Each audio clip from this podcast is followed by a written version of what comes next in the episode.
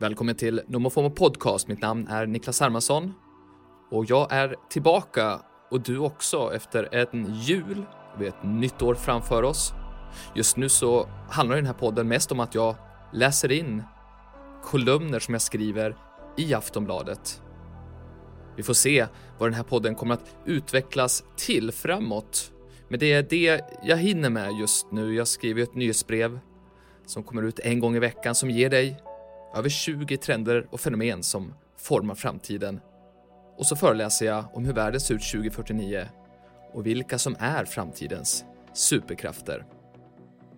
Men som sagt, idag ännu, en kolumn som jag har skrivit för Aftonbladet. Och det handlar om 10 trender som förändrar hur vi lever nästa år med rubriken “Så kommer du att dejta 2024”.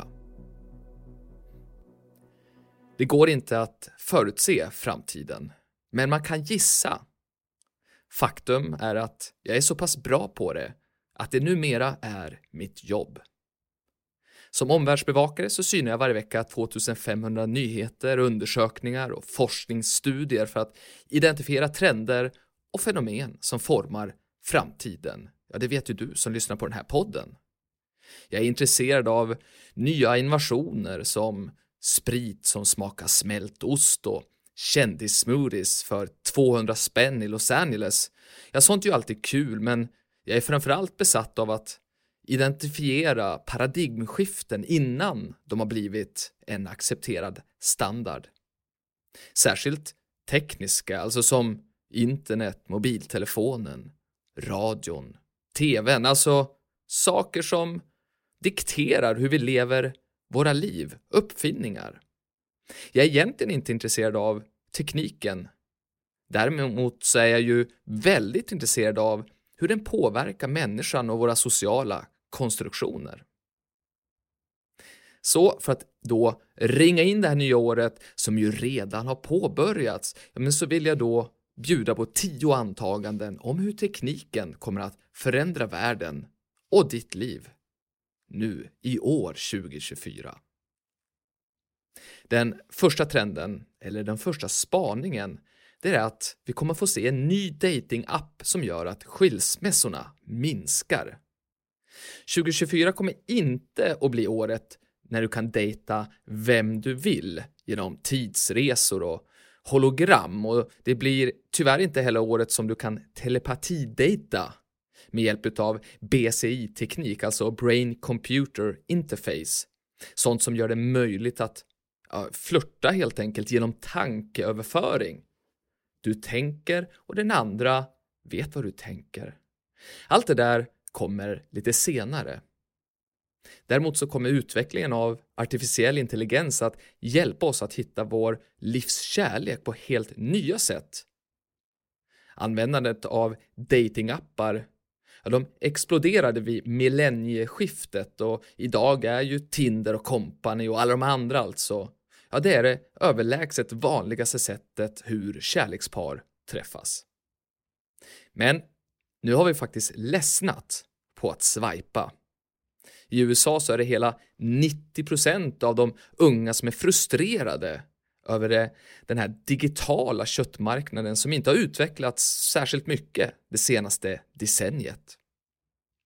Men i år så tror jag att vi kommer att se en ny AI-driven app som förändrar den globala datingscenen från grunden genom en rad olika förbättringar. Den kommer att matcha användarna på nya och mer precisa sätt.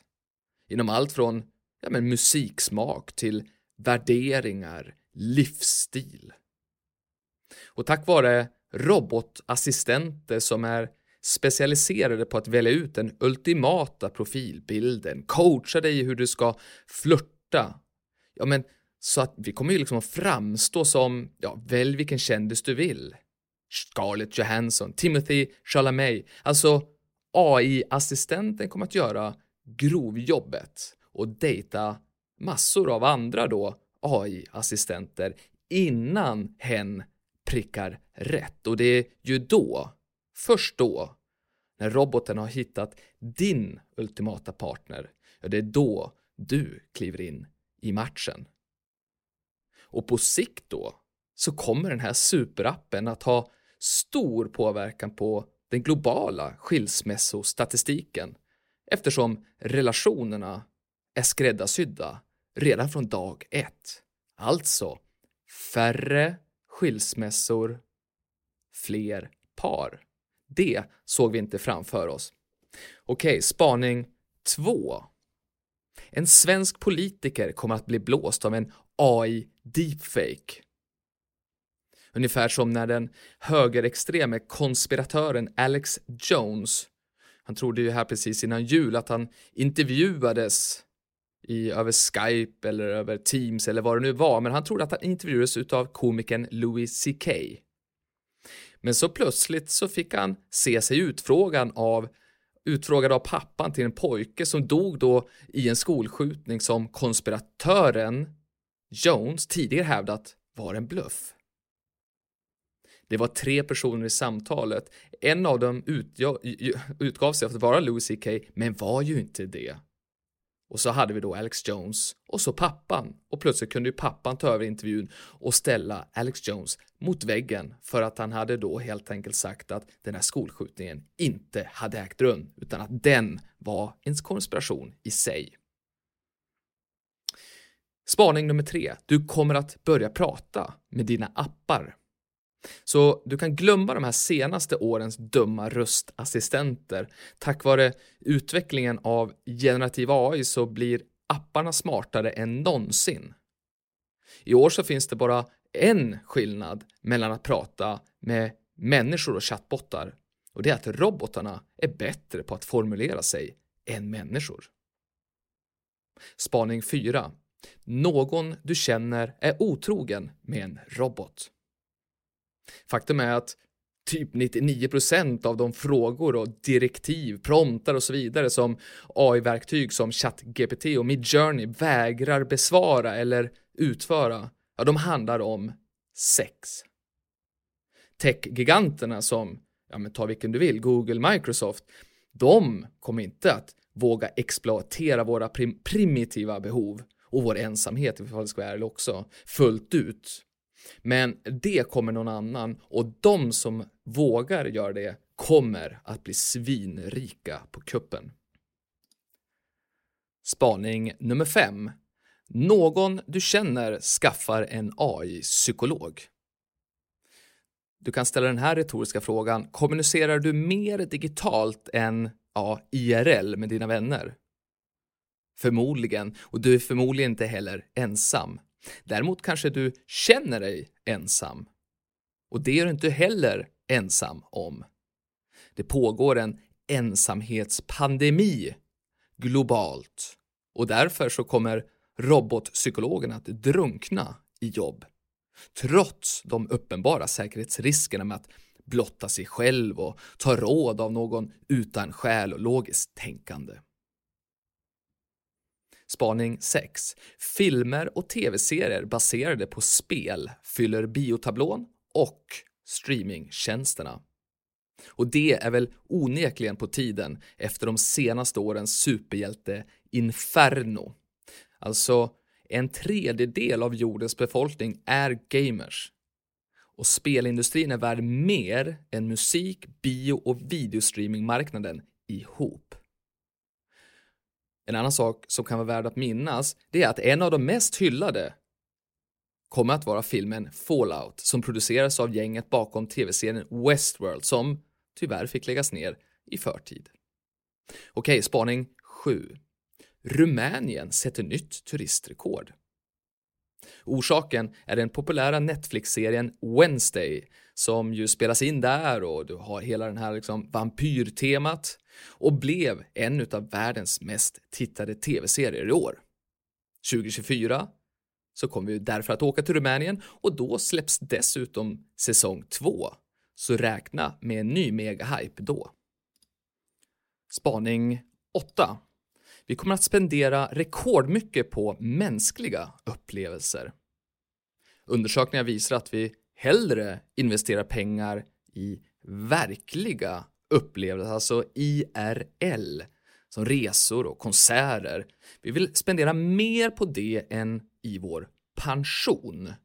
Och det är ju inte så förvånande, vi är ju mer uppkopplade än någonsin samtidigt som pandemin fick oss att inse att vi bara lever en gång, så vi vill göra det här och nu. Men den här trenden blir större än så. Årets uttryck blir AI kan inte göra allt. Och vi kommer att betala i allt större utsträckning för saker, alltså prylar, konst och inredning som människor har skapat för hand. Made by a human är det nya Made in Italy. Spaning 9. Du kommer att testa digital detox. Som en motståndsrörelse, eller åtminstone motrörelse till den alltid uppkopplade livsstilen kommer vi att för första gången sedan internets födelse få se en trend där människor medvetet väljer att stänga av och skapa platser där teknik och digital kommunikation är begränsad eller förbjuden. Alltså till exempel på en ö i Finland så är det precis så. Det kommer vi få se mer av även på arbetsplatser. Det kan också börja privat med telefonfria söndagar och sen sluta det med månadsfasta för de mest extrema. Och en konsekvens av det här leder till den sista spaningen, att vi flyr de sociala plattformarna. Det är alltså en konsekvens av den här digitala detoxen och det har redan påbörjats. Men några plattformar kommer lyckas bättre än andra. TikTok behåller positionen som den främsta kulturbäraren medan Threads passerar X och LinkedIn då, och det förvandlas till Facebook, ja men typ 2014. Frågan är hur många rätt jag får, det vet vi om ett år och då kommer jag avslöja facit i den här podden. Det var allt för den här gången. Tack för att du har lyssnat. Vi hörs snart igen.